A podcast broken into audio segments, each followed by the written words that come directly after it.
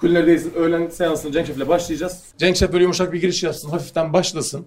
Ondan sonra gelen arkadaşlarımız da gelir. Sonra da daha böyle konuları der- derinleştiririz. Tabii. Herkese merhaba öncelikle.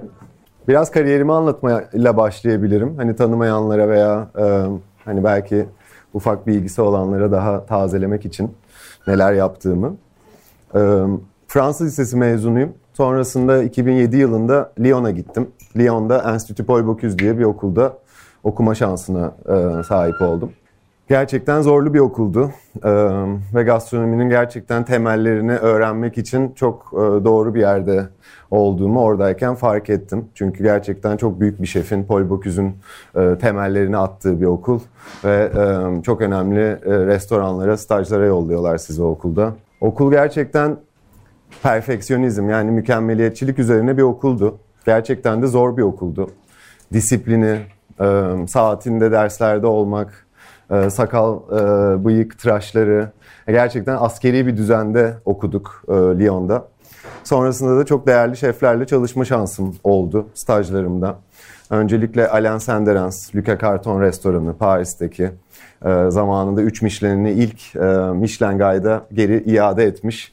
Sonrasında da e, istemeden de olsa 2 Michelin'i direkt almış bir restoranda. O zamanlar Jerome Banktel vardı egzekutif şefi. Murat Artuk maçında çalıştı. Onunla birlikte çalışma şansım oldu. İlk staj olarak genelde işte çok basit işler verirler. Ama e, benimkinde çok farklıydı ve beni gerçekten restoranın çok önemli bir bölümüne koydular ve e, kasaphanesinde çalıştım restoranın. İlk üç ayında gerçekten hiçbir şekilde servisi göremedim. E, mutfaktan ne tabaklar çıkıyor, nasıl bir servis, salon neye benziyor hiçbir şey bilmiyordum ve yer altında sadece etlerle çalışma şansım oldu. İlk stajını yapan birisi için gerçekten çok şanslı bir durum. Çünkü elime e, çok değerli e, malzemeler değmiş oldu. İşte süt domuzları, süt kuzuları, e, kasalarca ördekler, kasalarca danalar, işte tavuklar falan filan ve zorlu bir restorandı. Günde 17-18 saat çalıştığımız bir restorandı. Mutsuz bir restorandı. Mutsuz derken gerçekten çalışanlarda böyle bir hani gülme, kahkaha, kakara kikiri böyle bir şeyin olmadığı bir yerdi ve e, o ciddiyeti gerçekten gün ve gün hissediyordunuz. 6 ayda 20 kilo verdim ilk stajımda. Ama o stajı yaparken de sonrasında çalışacağım hiçbir yerin bana e, zor gelmeyeceğini e, hissetmiştim ki öyle oldu. Sonrasında okula geri döndüm. Sonrasında ikinci stajımı Chateau de Bagnol diye bir yerde yaptım. Beaujolais bölgesinde bir röle şato. Orada direkt şef de parti olarak ikinci stajıma e, başladım. Sonrasında tekrardan okula geri döndük. Sonrasında Lyon'da bir, bir bir restoranda çalıştım. Maison Clovis adında. Sonrasında restoran, restoranlarda çalışmak çok çok güzel. Yani gerçekten bir mutfakta bir fine dining, bir ekipte olmak, o ekibin bir parçası olmak, bir süre sonra fiziksel yorgunluğunuzu unutuyorsunuz. Ama bir süre sonra bir mental bir yorgunluk kalmaya başlıyor. O yorgunluğun aşılanması bence çok önemli. Çünkü bir süre sonra e, rüyanızda bile sabah yapacağınız işi düşünmeye başlıyorsunuz. İşte sabahki mizamplası düşünmeye başlıyorsunuz. Yarın ne iş var, ne iş e, yapmak gerekiyor gibi. Ben mutfağın sadece mutfakta hani aşçılığın sadece mutfağa bağlı olmadığını düşün, düşünenlerdenim. E, kafam her zaman farklı çalışıyordu. Hayat boyu e, bütün çocukluğum boyunca hep karikatür çizdim. Ve aslında çizgi filmci olmak istiyordum. O yüzden çizimime hep çok güvendim. Sonrasında nasılsa hani bir şekilde gurme gurman bir çocuktum. Her zaman evimde kendi yemeklerimi kendim yapmam gerekiyordu. O yüzden de bir şekilde karikatürü ve o çizgi film hayalini bırakıp mutfağa dalmış oldum. Sonrasında bütün o stajlarımı tamamladıktan sonra sadece mutfakla bunun kalmaması gerektiğini ve bir de servis ve hospitality ve restoran ve otelcilik bölümünün işletmesine de bir double major yaptım. Yani bir ikinci diplomaya da aynen okula geri döndüm. İkinci diplomamı da e, tamamen işletme ve servis ve e, olayın daha e, ön tarafı yani front of the house tarafını da pekiştirerek devam ettim. Sonrasında Fransa'da geçen 5 seneden sonra kendimi birdenbire Amerika'da buldum. E, Amerika'da bir staj e, ayarladım kendime.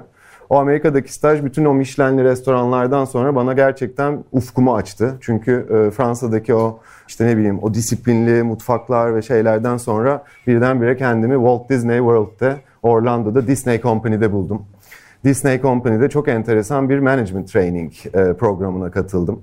Bunu anlatmamın sebebi aslında o zamanlar içindeyken o Disney Company'nin e, ben ne yapıyorum ya dedim. Yani Fransa'da Michelin'lerde çalıştıktan sonra hani neden ben şu an Disney'deyim? Çünkü Disney dediğiniz yer e, çok büyük bir şirket ve Orlando'daki Disney kampüsü 11 bin kişinin çalıştığı çok fazla resort'un 27 tane resort'un 6 tane değişik işte oyun alanının hani theme parkların ve çok fazla e, değişik bölümlerin olduğu bir işletme. Oranın içinde olmanın şöyle bir avantajını yıllar sonra gördüm. Bizi ilk Disney'e aldıklarında e, Disney University diye bir yere koyuyorlar sizi. Ve Disney University'de size Disney'in bütün anahtar, e, önemli core value'lerini öğretiyorlar. Kusura bakmayın biraz İngilizce, Fransızca kelimeler ben e, ekleyerek konuşuyorum. E, bazen kelimesini bulamadığımdan. E, ve Disney'in bize kattığı şey, bana kattığı şey en azından gerçekten bir müşteri tatmin yani müşteri memnuniyetini nasıl e, kazanırsınız? Bir işletmede müşteriye nasıl dış dünyayı unutturursunuz? Küçücük bir kız size geldiğinde prenses kılıklı Disney parkında onun önünde nasıl eğilmeniz gerekiyor? Birinin gözünün içine bakarak bir şeyi nasıl satarsınız? Böyle çok çok değerli e, şeyler kattığını düşünüyorum o Disney macerasının. Sonrasında bir senelik kontratımı e, Mickey Mouse'lara pek dayanamayıp 8. E, ayda bırakmak durumunda kaldım. Ve sonrasında San Francisco'da bir Michelin'li bir restoranda çalışmaya başladım. Oranın servis bölümünde çalışmayı tercih ettim. Çünkü e, yıllardır hep mutfaklarda çalışıyordum ve servisin de nasıl işlediğini görmeyi e, bayağı istiyordum açıkçası. Sonrasında bir sene boyunca restoran Geridenko diye bir restoranın ön tarafında çalıştım. Bu runner'lıkla başladı. Sonrasında barda backwaiter'lık yaptım. Sonrasında sommelier'in asistanlığını yaptım. Sonrasında mutfakla servis arasında o ticketların çıktığı bir pozisyon var. Amerika'da özellikle hani genelde şefler bağırmıyor o ticketları. Expediter dediğimiz bir pozisyon bu. Ve expediter'lık yaptım. Bir sene boyunca gerçekten kusursuz bir servisin nasıl işlediğini görmüş oldum. Sonrasında o sıralar Gezi Parkı olayları oluyordu ve bana hani ülkeye dönmek çok uzak bir fikir olarak geliyordu. Ve bir şekilde ne yapıp ne edip vizemin bitmesine vizem bitmesine rağmen hani bunu herkese tavsiye etmiyorum ama bir şekilde e, illegal bir şekilde Amerika'da kalmaya devam ettim. Sonrasında Los Angeles'a taşındım ve Los Angeles'ta çalışma vizem yoktu. E, hiçbir restorana başvuramıyordum. Ama bir şekilde benim para kazanmam gerekiyordu ve e, mesleğimi de devam ettirmek istiyordum. Üç arkadaş bir eve çıktık ve bu evden e, ben yemek partileri vermeye başladım. 5 e, kors yemek, 5 değişik şarap uyumuyla e, insanları kendi evime davet etmeye başladım. İlk hafta sadece tanıdıklarımı davet ettim. İkinci hafta bunu bir daha yapmam gerekiyordu. Çünkü kiramı ödemem gerekiyordu, yaşamam gerekiyordu. Ve bir süre sonra çok tatlı bir momentum sağlandı ve tanımadığım insanlar benim evimde yaptığım yemek partilerinin buk etmeye başladı. Tanımadığım insanlar benim masamı rezerve etmeye başladı ve ben çok güzel para kazanmaya başladım ve kendi evimden hem yemeğini hem servisini hem alışverişini yaptığım bir düzende bulmaya başladım kendimi. Bunları anlatmamdaki sebep e, mutfağı sadece böyle bir fine dining mutfak olarak ben düşünmeyen birisiyim.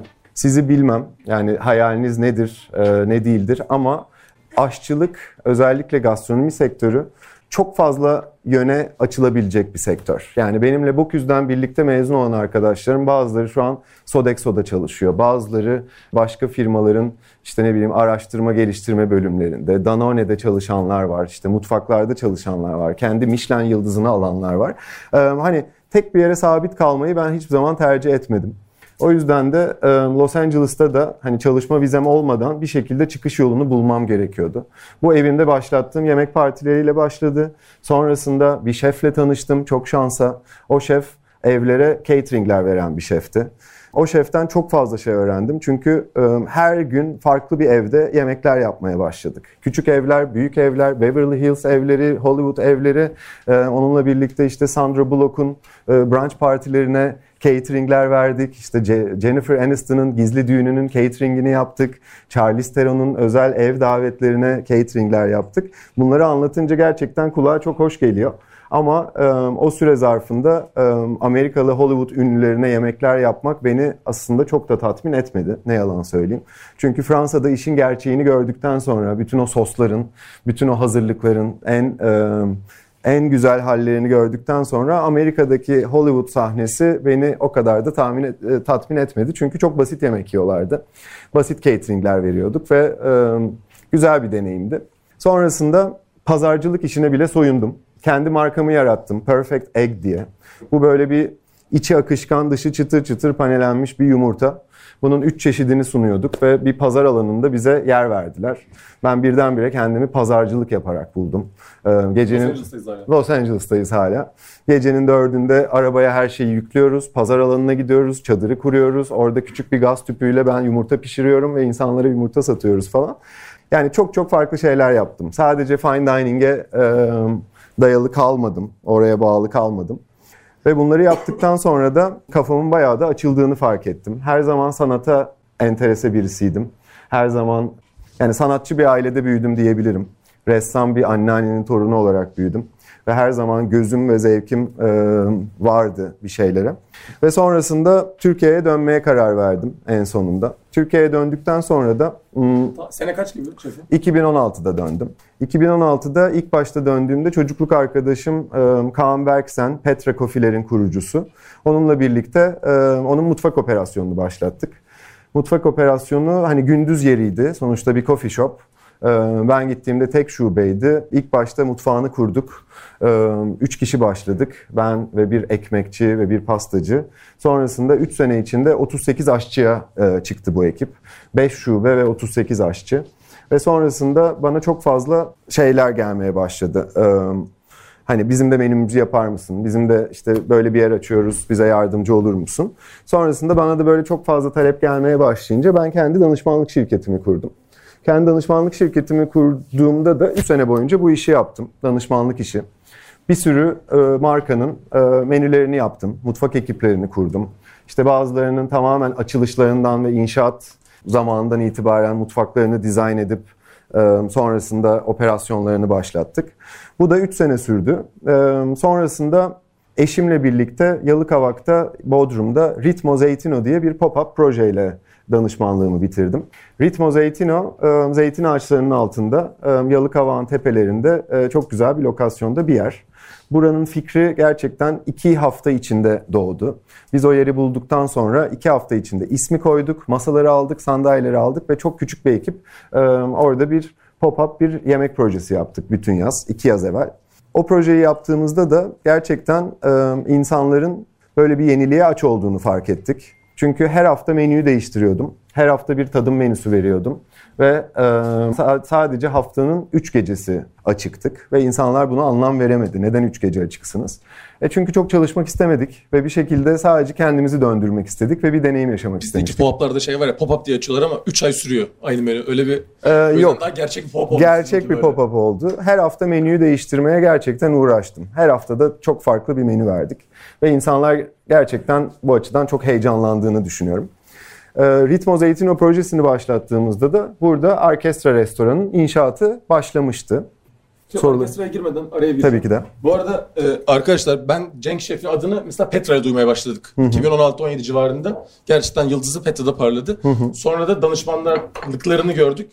Diyor aslında kendisi pek fine dining sadece değil ama her danışmanlığında Cenk Şef'e tabii bir danışmanlık gördüğünüzde ya Cenk mi yaptı acaba bunu diyordunuz. Çünkü bir fine dining dokuşu oluyordu danışmanlıklarda. Oluyordu. Orkestra daha uzun bir konu. Geçmeden önce danışmanlıkları biraz soracağım. Yani Tabii o ki. nasıl bir kariyer, nasıl geçti o danışmanlık şirketi serüveni ve sonra nasıl orkestraya gelip orkestraya bağlayalım. Ya danışmanlık şöyle bir iş hani özellikle şehirde bir iş yaptıysanız ve bu iş takdir ediliyorsa bir şekilde fark edilmeye başlanıyorsunuz. Ve fark edilmeye başlandıktan sonra da insanlar e, hani şefi olmayan veya şefi olup şefine tam güvenmeyen işletmeler bir sürü var.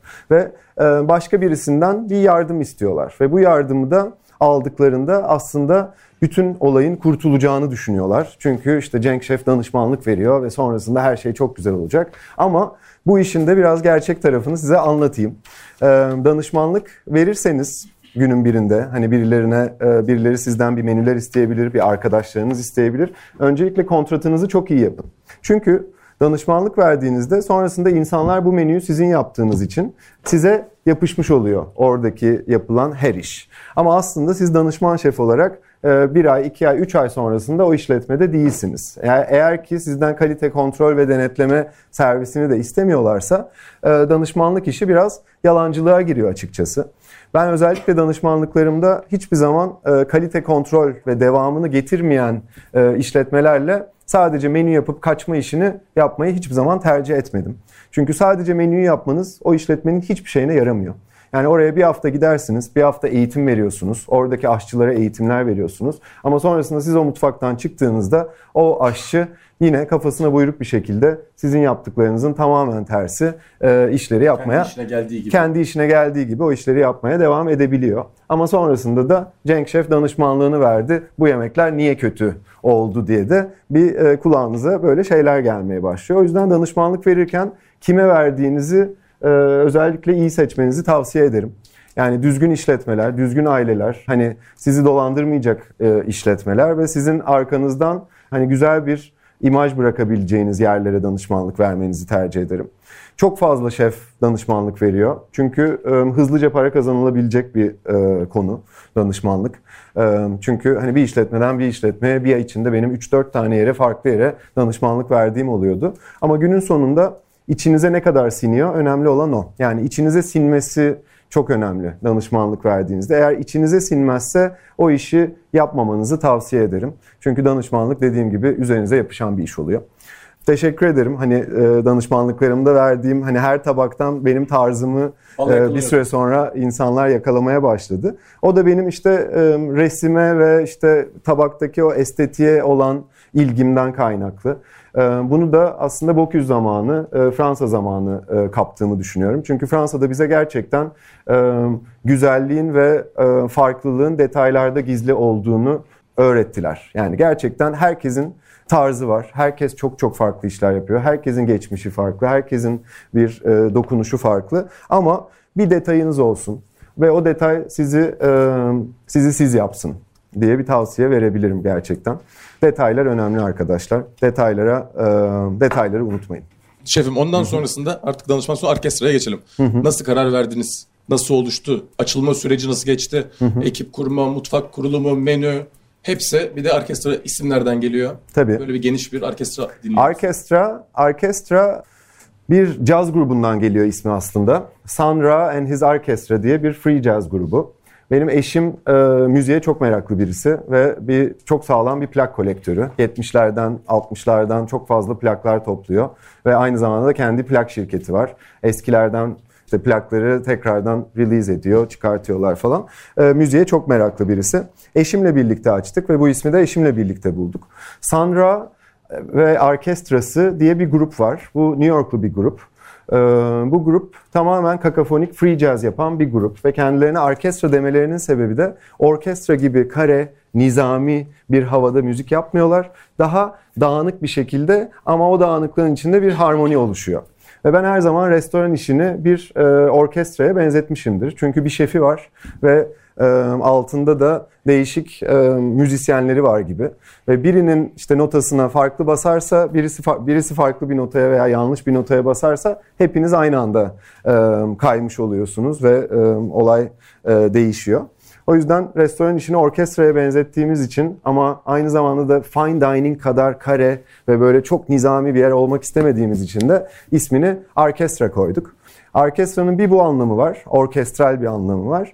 Bir de aynı zamanda milattan önce 4. yüzyılda yaşamış Arkestratus diye bir Yunan bir e, yazar var. Ve bu adam zamanının ilk e, Vedat Milor'u diyebiliriz. Yani zamanının ilk seyyah gurmesi. Sicilyalı. Sicilya'dan bütün Akdeniz e, kıyısını dolaşıp Ege, Karadeniz'e kadar gelip zamanının ilk gurmandizm yani yemek ve zevk ve işte masa üslubu ve işte bütün bunlarla alakalı yazan ilk adamı. E, bunu da görünce tüylerimiz diken diken oldu. E, çünkü eşim müzikle ilgili, ben yemekle ilgiliyim. E, orkestra tuz çıktı, sonra orkestra e, bayağı bir anlam kazandı ve adını orkestra koymaya karar verdik. E, orkestra Etiler'de olan bir ev, müstakil bir ev. 1960'lardan bir ev ve e, evin içine ilk girdiğimiz zaman e, bir harabe halindeydi. Ve burayı mimarımızla gerçekten 1960'lar ruhunu e, kaybetmeden yani evin aslında özünü de bozmadan bir inşaata soktuk. ve sağ olsun mimar Tayfun Mumcu bizi çok iyi de tanıdığı için çok çok güzel bir iş çıkarttı. Ee, orkestranın kuruluşunda hayalim gerçekten hiçbir zaman çok fine dining bir yer olması değildi. Çünkü Etiler'in ortasında yaklaşık 120 kuver yapabildiğimiz, 120 kişiyi aynı anda oturtabildiğimiz bir yerden bahsediyorum.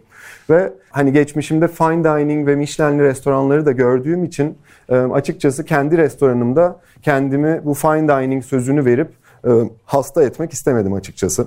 Daha casual bir e, havada bir fine dining bir yer oldu şu anda orkestra. Orkestranın kuruluş aşamasında yazın bizim insanları işe almamız gerekiyordu. Çünkü Eylül gibi açmayı planlıyorduk.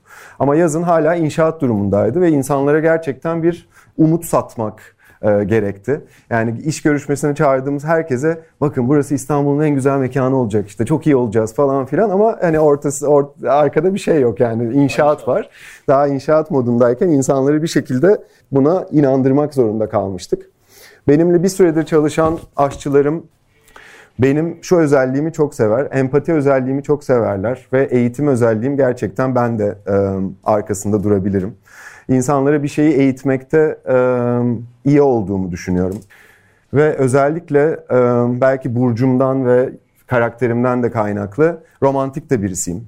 Yani insanların hep ne düşündüğünü, benimle çalışanların bir derdi var mı, beni seviyorlar mı, benim arkamdan konuşuyorlar mı, bir sorun var mı gibi şeyler benim kafamı hep kurcalayan şeyler.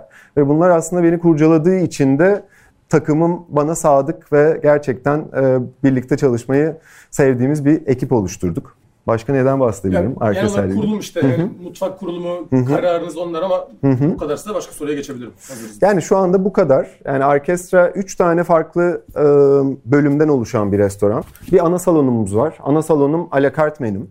Bir tane daha küçük bir salonumuz var 40 kişilik. Orayı Ocak ayında tasting odası olarak e, aktive edeceğiz. Tasting'den kastım hani 6-7 e, belki de 8 korsluk bir tadım menüsü alakart menünün dışında daha cesur olabileceğim benim e, oyun alanım olarak gördüğüm oda orası olacak.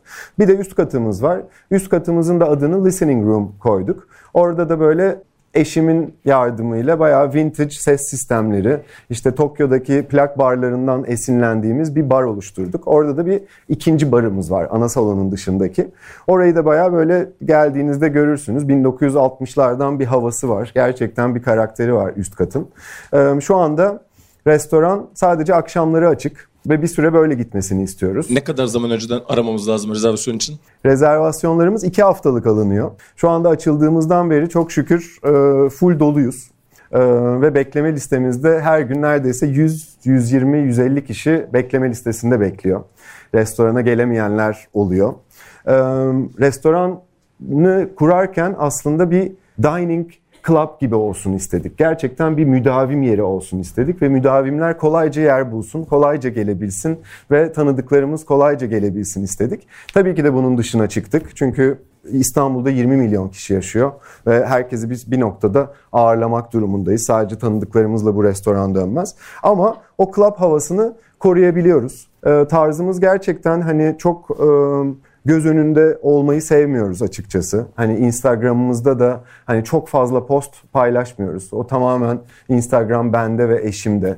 Arada bir fotoğraf koyuyoruz, arada bir çiçek fotoğrafı koyuyoruz. Ama böyle bağırmıyoruz işte. Bugün bunu yaptık, bugün şu yemek var, bugün şu yemek var. Biraz gizli kalması beni benim için daha çekici e, oluyor e, bir şeyler gizli kalınca daha güzel merak uyandırıyor diye düşünüyorum.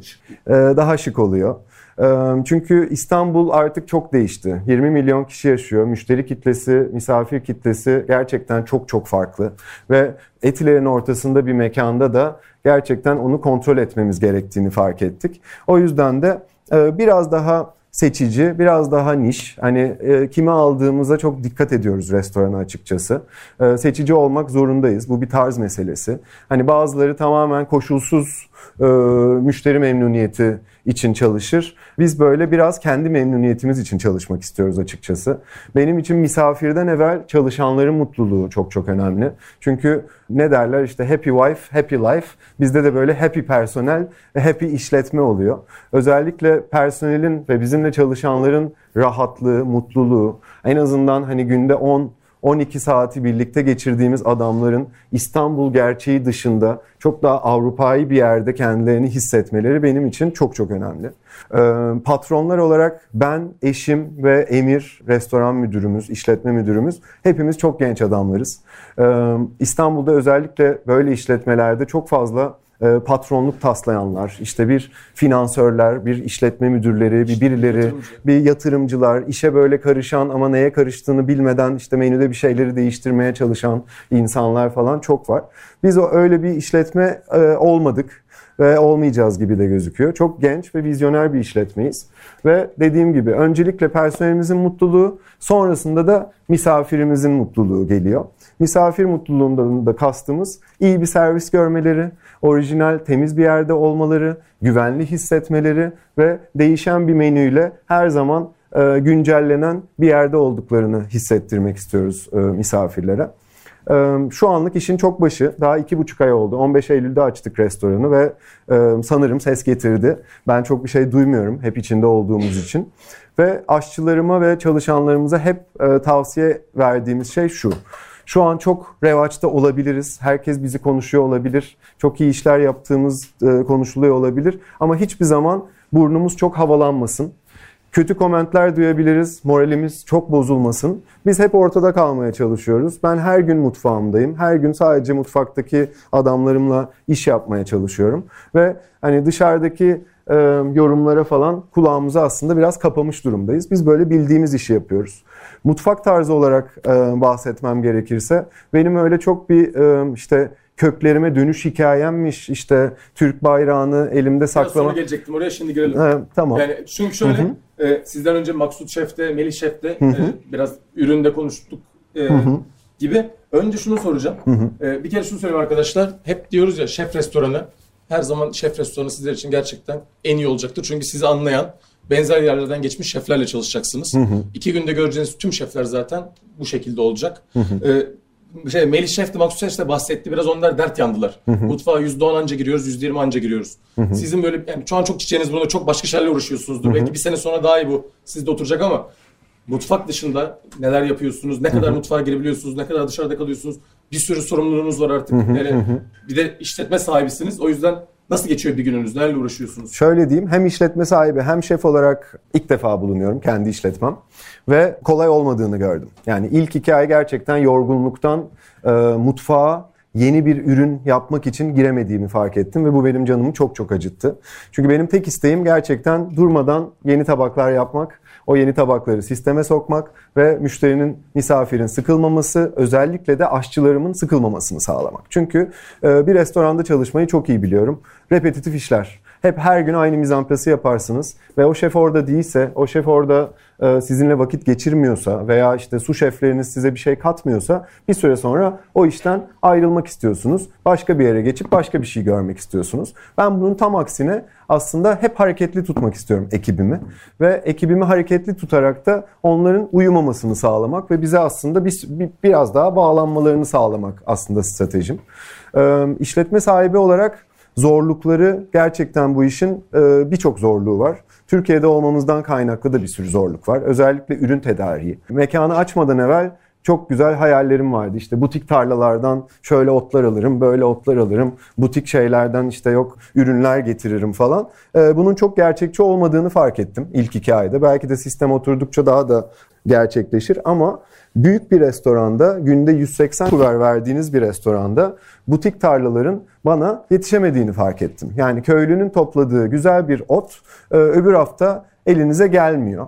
E ben onu demo için almışım. Güzel menümde yeni bir tabak yapmışım o enteresan otla. Ama öbür hafta o ot bir daha gelmeyince e, müşteriye yok çekmek zorunda kalıyorsunuz. E o zaman da bunun riskini alamıyorsunuz. E, böyle zorlukları var. Bunun dışında orkestrada biz şu an 62 kişi olduk. 62 tane çalışanımız var. E, bar ekibi, guest relations ekibi ve ön salon ve muhasebe ve cost control.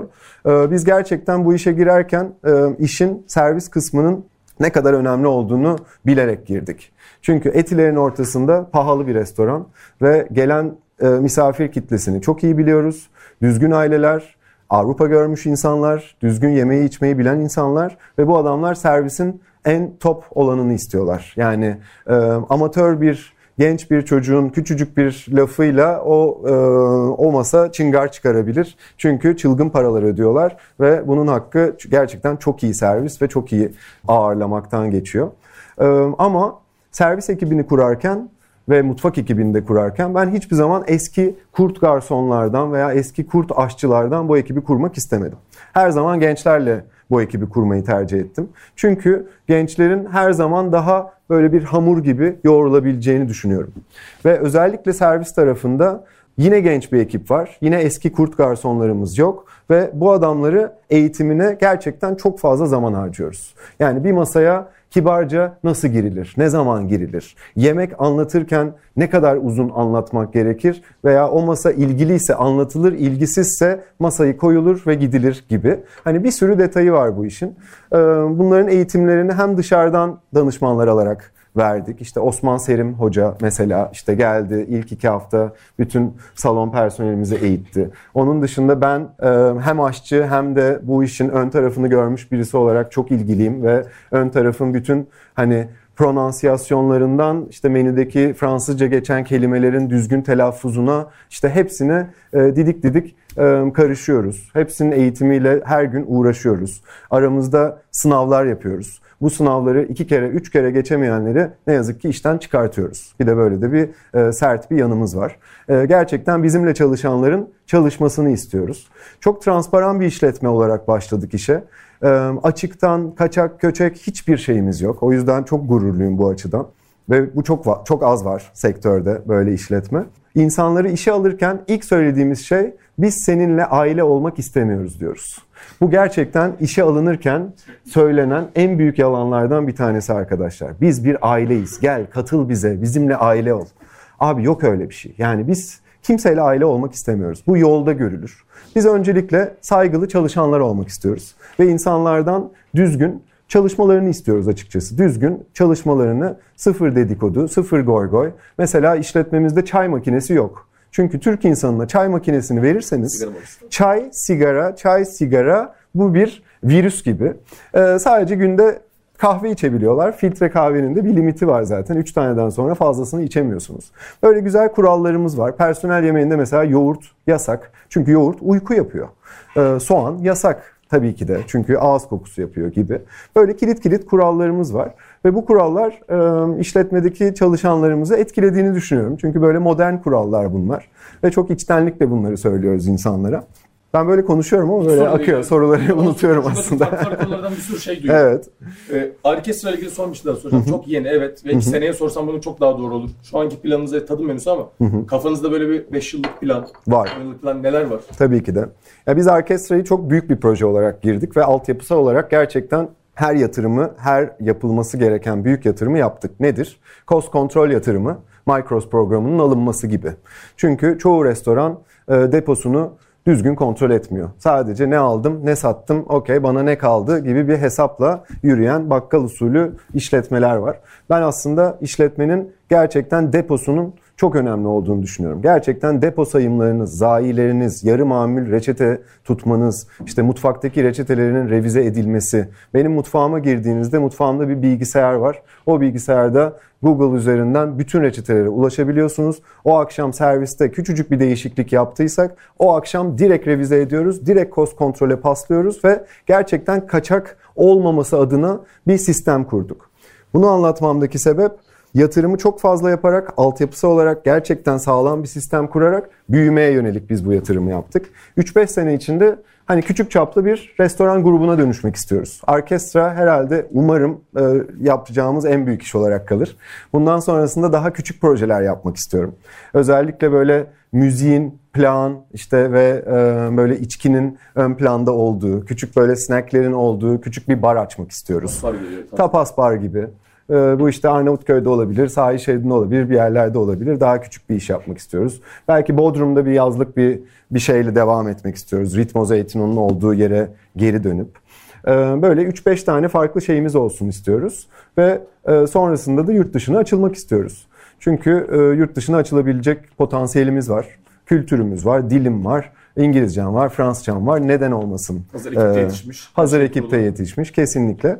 E, bu işi büyütmek istiyoruz. Sadece orkestrada kalsın istemiyoruz. Ve her zaman da hayalimiz parmakla gösterilen bir işletme olmasını e, istiyoruz. Yani her açıdan. Cost açısından, deposundan, işletmesinden, servisine, şefinden, patronuna e, parmakla gösterilsin istiyoruz. Ve kimse de aynen yani bizim aramızdan çıkanların da İnşallah düzgün, gibi. düzgün yerlerde, düzgün restoranlar açsın istiyoruz açıkçası. İnşallah istediğiniz gibi olur şefim. Ben birazdan sorulara geçeceğim. Sorulara geçmeden önce sadece şunu söyleyeyim. Sizin öğrencilik yıllarınızda burada olduğunuz için hani onlara söyleyeceğiniz bir şey var mı? Çünkü kafaları çok karışık oluyor. Öğrenciler Tabii ki de. oluyor. Oradayken ileriye dönük kariyerinize baktığınızda nasıl plan vardı? Siz nasıl bir yola gittiniz? Arkadaşlar ben bu işi biraz şey gibi görüyorum. Ben sonuçta 2008'de aşçılığa başladım. O zamanlar biz başladığımızda gastronominin G'si daha Türkiye'de yoktu. Daha Yeditepe gastronomi daha açılmamıştı. Ve o zamanlar e, ne bileyim Fransa'ya ilk gittiğimde işte internette fine dining plates, fine dining dishes yazdığımda resim bile çıkmıyordu. Yani hayal etmek için, esinlenmek için hiçbir şey çıkmıyordu. Bunun da sebebi daha Instagram yoktu. Daha e, hani telefonlarla fotoğraf çekmek diye bir şey yoktu. Ama size tavsiye olarak verebileceğim şey bu sektörde hep farklı insanlarla çalışacaksınız. Ve o farklı insanların farklı farklı özelliklerini kafanıza not edin. Bu iyi olur, kötü olur, sizi test amaçlı sinir eden şefler olur veya işte size bir şey öğretmeyen ama kalbi çok temiz bir şef olur. Ee, Bütün bu özellikleri toplayın ve sonrasında en iyilerini, kendinize en uygun gördüklerinizi kendi mutfağınızda uygulamaya çalışın. Yani Fransa'da gerçekten çok sert şeflerle çalıştım. Ağlamaklı günlerim geçti. Mesleği bırakmayı düşündüğüm günler geçti. Ee, Bütün o kötü örnekleri alıp onları nasıl iyiye çeviririmi düşünüyorum. Yani e, bana böyle yapıldı, ben de sana böyle yapacağım gibi bir tarz e, tavsiye etmiyorum açıkçası. Her zaman zaman hep farklı, hep değişiyor. Teknoloji ilerliyor, insanların kafası açılıyor. İnsanlar artık eskisi gibi hani yes chef, yes chef, yes chef böyle o eski kafalı mantıkta çalışmak istemiyor. O yüzden hani çalışanlarınız olursa gerçekten bir şeyi neden yaptığını, bu işi neden yaptığını ona anlatarak e, gidin. Yani bir çocuğa sadece sen şimdi soğan kes, şu köşede patatesleri soy deyip onu bir köşede bırakmayın. Yani o kestiği soğanın sonrasında nereye gideceğini gösterin. Hangi tabağa neden öyle gideceğini gösterin ve neden o soğanın öyle kesilmesi gerektiğini o çocuğa çok düzgün anlatmanızı tavsiye ederim. Dediğim gibi şu an kafalarınız karışık olabilir. Ne yapacağınızı bilmiyor olabilirsiniz. Ama iyi kalpli insanlarla çalışmaya çalışın. Gerçekten hani teknik ayrı, işte adamın kariyeri ayrı ama iyi kalpli insanlarla çalışın ve onlardan bir şeyler kapmaya çalışın. Ekonomik durum belli ülkedeki. Gerçekten e, para için bir yerlerde çalışmak durumundayız. Ama bir şekilde cesaret bulun. Bir şekilde yurt dışına bir e, başvurularda bulunmaya çalışın. Gerçekten hiç belli olmuyor. Attığınız maillere enteresan bir cover letter, enteresan bir motivation letter'la e, dünyanın en iyi şefi size geri dönüş yapabilir ve onun mutfağına girip çalışmaya başlayabilirsiniz. Yabancı dile ağırlık verin. Bilmiyorsanız öğrenmeye çalışın. Çünkü yabancı dil olmadan düzgün tarife ulaşabileceğinizi çok fazla düşünmüyorum açıkçası. Ben her zaman tariflerimi Fransızca, İngilizce sitelerden bakıyorum ve daha doğru çıkıyor diyebilirim. Hani Türkçe tarif bakarsanız bir yere kadar bir yerde tıkanacağınızı düşünüyorum. Bence Türkçe tarif bakmayın da diyebiliriz kesinlikle. YouTube, YouTube'u çok düzgün bir şekilde kullanabilirsiniz. Instagram'ı çok düzgün bir şekilde kullanabilirsiniz. Ama o çukurlara girip böyle eriyen hamburgerler, eriyen cheddarlar videolarına lütfen girmeyin. Bunun bir algoritması var. Düzgün şeyleri like'larsanız, düzgün gerçekten hani sevdiğiniz tarzdaki fotoğrafları ve şeflerin yemeklerini tarz, e, like'larsanız bir süre sonra Instagram size sadece kaliteli fotoğraflar göstermeye başlıyor. Böyle tavsiyeler verebilirim. YouTube'un derinliklerine girin. Benim zamanımda bu yoktu. Yani şu an böyle Japon anneannelerin işte e, amatör videolarına giriyorum. E, amatör videolardan gerçekten en iyi tarifleri kapabilirsiniz. Yani uçsuz bucaksız bir teknoloji çağındayız ve her şeyi sömürmeye çalışın. Yani her yerden bir tarif kapmaya çalışın. Biraz kafa karıştırıcı olabilir. Çünkü şu an Instagram'ı açtığınızda bir sürü güzel yemek görüyorsunuz. Şu şöyle yapmış, bu bilmem ne jeli yapmış, şu şunu kullanmış, bu bunu kullanmış. Kendi tarzınız zamanla oluşacak. Sabredin. Ee, bir yerlerde çalışacaksınız. Bir yerlerde bir şeflerin altında onların yemeklerini yapacaksınız. Ama yılmayın. Bir süre sonra çünkü yol sizi bir yerlere götürecek. Oradan tanıştığınız birisiyle belki bir işe girişeceksiniz. Oradan bir müşteri sizi çok sevecek bir misafir gel diyecek ben bir kafe açıyorum oranın şefi ol. İnsanlara açık olun, dürüst olun ve gerçekten rüzgarın sizi bazen bir yerlere savrulmasına da izin vermenizi e, tavsiye ederim. Bana her zaman e, yardımcı oldu. Biraz böyle kendimi akışa bırakmak diyeyim. Türkçe kaynakla ilgili şef kitaplarına yönelin de yani internette göre blog gibi şeyleri kastediyoruz bu arada. Yani. Kesinlikle. Şeflerin çıkarttığı İnternet çukuruna Gayet e, evet. Arkadaşlar yavaş yavaş sorulara geçelim istiyorum. Ee, var mı sorular? Elleri görelim. Menülerinizi e, sezonluk sene içerisinde kaç tane menü çıkarıyorsunuz? Ve en e, sizi yönlendiren tabii ki şey mi oluyor yani mevsimlik yani fiyatına göre mevsimlik sebzeler gibi şey. Kesinlikle. Zaten onu artiküle bile etmedim. Çünkü işi Fransa'da okuyunca bu işin zaten özü mevsimsel malzemeyle çalışmak. Mevsiminde bir malzemeyle çalışmazsanız yemeğiniz lezzetli olmayacaktır. Yani kışın ortasında çilekli bir tatlı yaparsanız ben sizi sorgularım açıkçası. Ee, yemeklerimi tabii ki de menülerimi sezonluk yapıyorum. Senede 4 mevsim var ama minimum 3 kere ana menünün değişmesi hayalim. Şu an daha 2 ay oldu ama 2 ay içinde yaklaşık 4-5 tane yeni tabak ekledim. Mevsimsel çalışıyorum. Genelde menülerimi düşünürken de benim için hep kağıt üzerinde başlıyor olay. Ee, o karikatürist zamanlarımdan da kaynaklı. Ben her zaman tabağı çizerek başlıyorum. Tabağı çizmeden evvel de hangi aydayız? Bu menüyü kaç ay tutacağım? Ve bu aylar içinde bu ürünü tedarik edebilir miyim? Sorusu benim için önemli oluyor.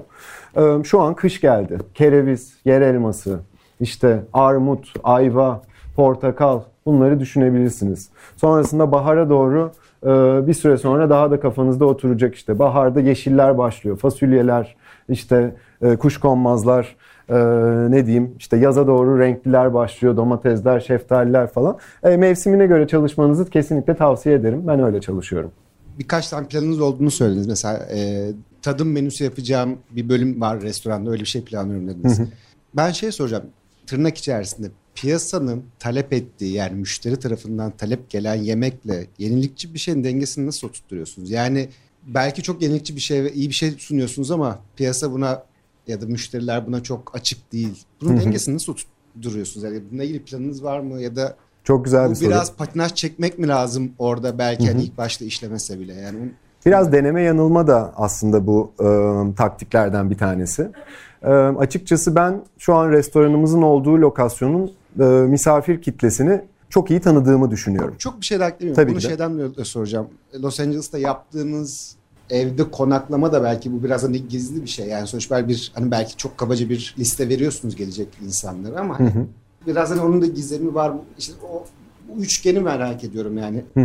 Ee, çok güzel bir soru. Çünkü o çizgiyi bulmak e, beni en çok zorlayan şeylerden şu anda. Şu an restoran Anlayamayacağı noktada şey yapmak. Evet. Yani restoran Etiler'de Etiler Bebek Hattı'nın misafir kitlesini açıkçası iyi tanıdığımı düşünüyorum. O kitlenin, para harcayan kitlenin, buraya restorana para harcayacak kitlenin mesela çok fazla fanfinfon yemekler sevmediğini biliyorum. Fanfinfondan kastım işte küçük küçük noktalar, üzerinde tüyiller, üzerinde bilmemler. Hani ben mesela tabaklarımı yaparken özellikle mutfağın da e, hazırlık sırasında çok zaman harcıyoruz. Soslarımıza, yarı mamullerine, onların tatlarının her gün aynı standartta çıkmasına. Ama tabaklama sırasında bir o kadar rahat olmayı tercih ediyorum. Çünkü öyle mutfaklarda da çalıştım. Bir tabağın beş tane elin elinden geçtiği, hani tabaklama sırasında, servis sırasında böyle sizi hasta edecek tarzda tabaklamalar tarzım değil. Ee, misafir kitlesini tanımakla biraz alakalı bir durum, sorduğun soru.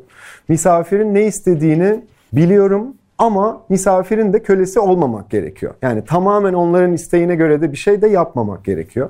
Ben özellikle Türkiye'de, İstanbul'da hala misafir ne kadar zengin olsa da, kültürlü olsa da veya para harcayan müşteri olsa da hala eğitime açık olduklarını düşünüyorum.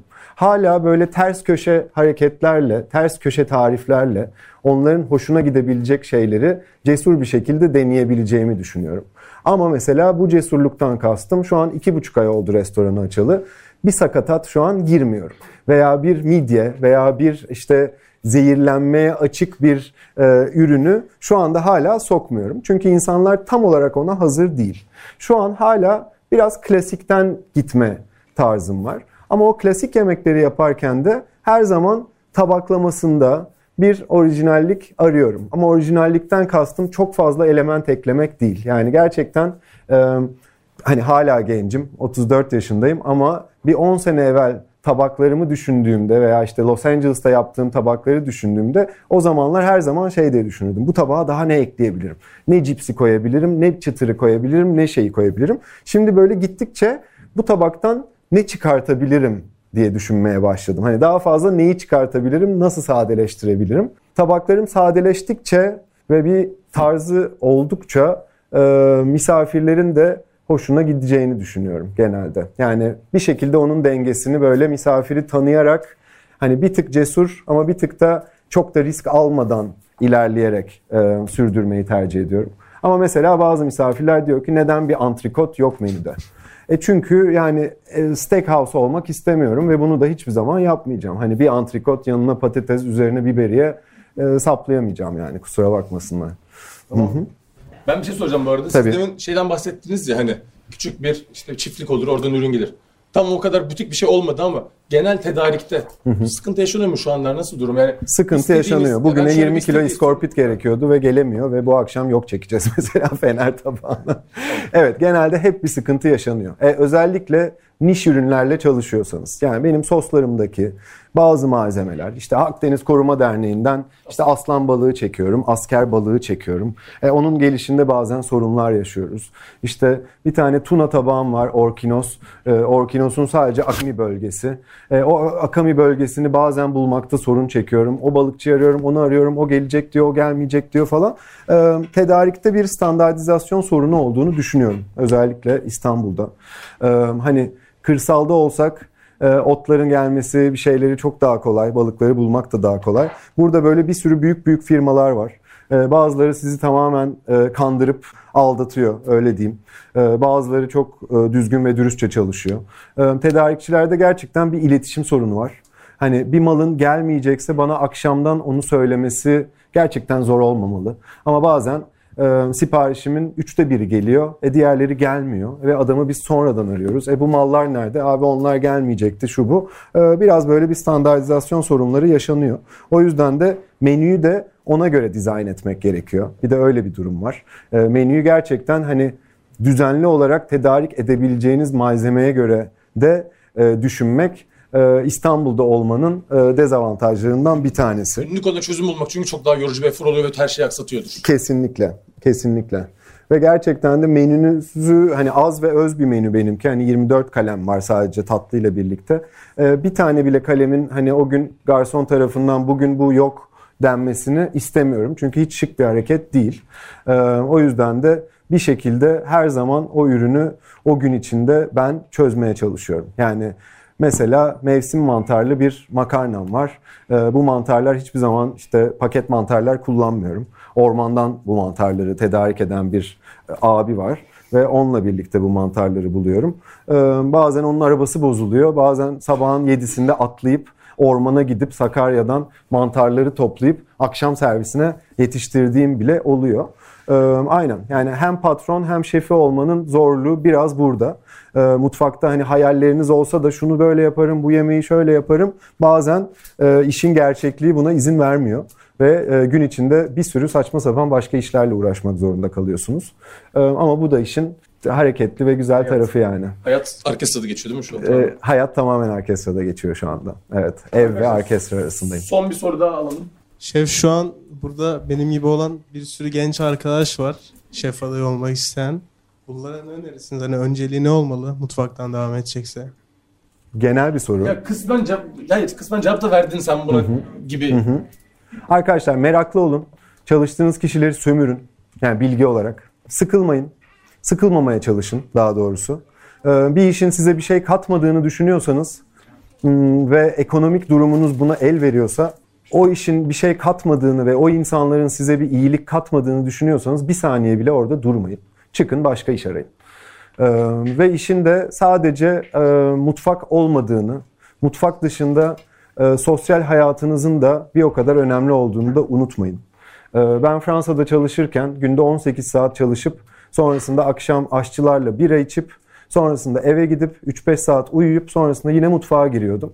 Ve bir süre sonra o aşçıların gerçekten çok da kültürlü olmadığını fark ettim. Yani siz ne kadar 3 Michelin'li 2 Michelin'li hayat boyu çalışsanız da bir süre sonrasında eğer kitap okumaya, bir film izlemeye, bir sergiye gitmeye, bir yere gitmeye, bir kız arkadaşınız olması veya bir sevgiliniz olmasına vaktiniz yoksa bu hayat benim için bir tam bir hayat değil. Yani iş ne kadar önemliyse sosyal hayatınız da o kadar önemli ama sosyal hayat derken sosyal hayatınızda yaptığınız şeyler işinizi etkileyebilir. Bu bir sergi dolaşmak olur. O sergiden sonra aklınıza bir fikirler gelir, bir renkler gelir, bir şeyler gelir. Hani ufkunuzu açmak için elinizden geleni yapın. Kitap okumayı da bırakmayın. Gerçekten aşçılık çünkü bir süre sonra askerlik gibi bir şeye dönüşüyor. Her gün monoton bir şekilde işe gidiyorsun, eve geliyorsun, işe gidiyorsun, eve geliyorsun. O monotonluğu bir tık kırmaya çalışın. Ee, ve sosyal hayatınıza da sosyal hayatınızı unutmayın. Çok çok çok önemli. Cenk Şef bu arada tabaklarla ilgili yani bokus dese de kendi tabakları aslında sanat, karikatür bunların verdiği görselin tabaklarda etkisi de gözüküyor. Yani sadece o bokus değil. Evet kesinlikle ben de hissediyorum. geliştirmenle de alakalı bir şey biraz. Ya ben tabaklarımı çizerek yapıyorum esasında. Yani benim için böyle yaratıcılık yara- yani yaratma prosesi biraz kağıtta başlıyor. Yani zamanında full kağıtlara boyardım. Şimdi biraz tabaklara aynı işlemi yapıyorum. Ee, tek farkı sanat formu olarak hani bu yenilebilir ve biten ve sonrasında tuvalette biten bir sanat formu yani bizimki ayıptır söylemesi. Ee, çok daha farklı bir sanat formu. Aynen yani ben çizerek çalışıyorum. Çizerken gerçekten motive oluyorum. Hani bir tabağın e, ne bileyim şu an bir tuna sashimi tabağımız var ve gerçekten onu çizmiştim. Daha ta orkestra çalışmadan evvel. Evet yani çizmek bana iyi geliyor ama herkesin tarzı farklı. Hani herkes e, çizsin diye bir tavsiye veremem açıkçası.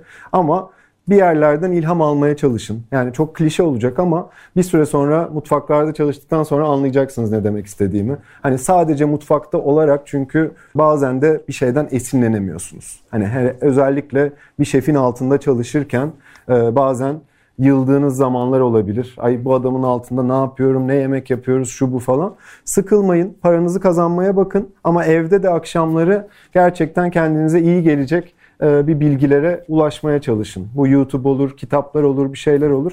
Kendinizi her şekilde geliştirebileceğiniz bir zamanda yaşıyoruz. O yüzden e, sabırlı olun. Cenk herkes adına çok teşekkür ederim. Ağzına sağlık. Ben teşekkür ederim.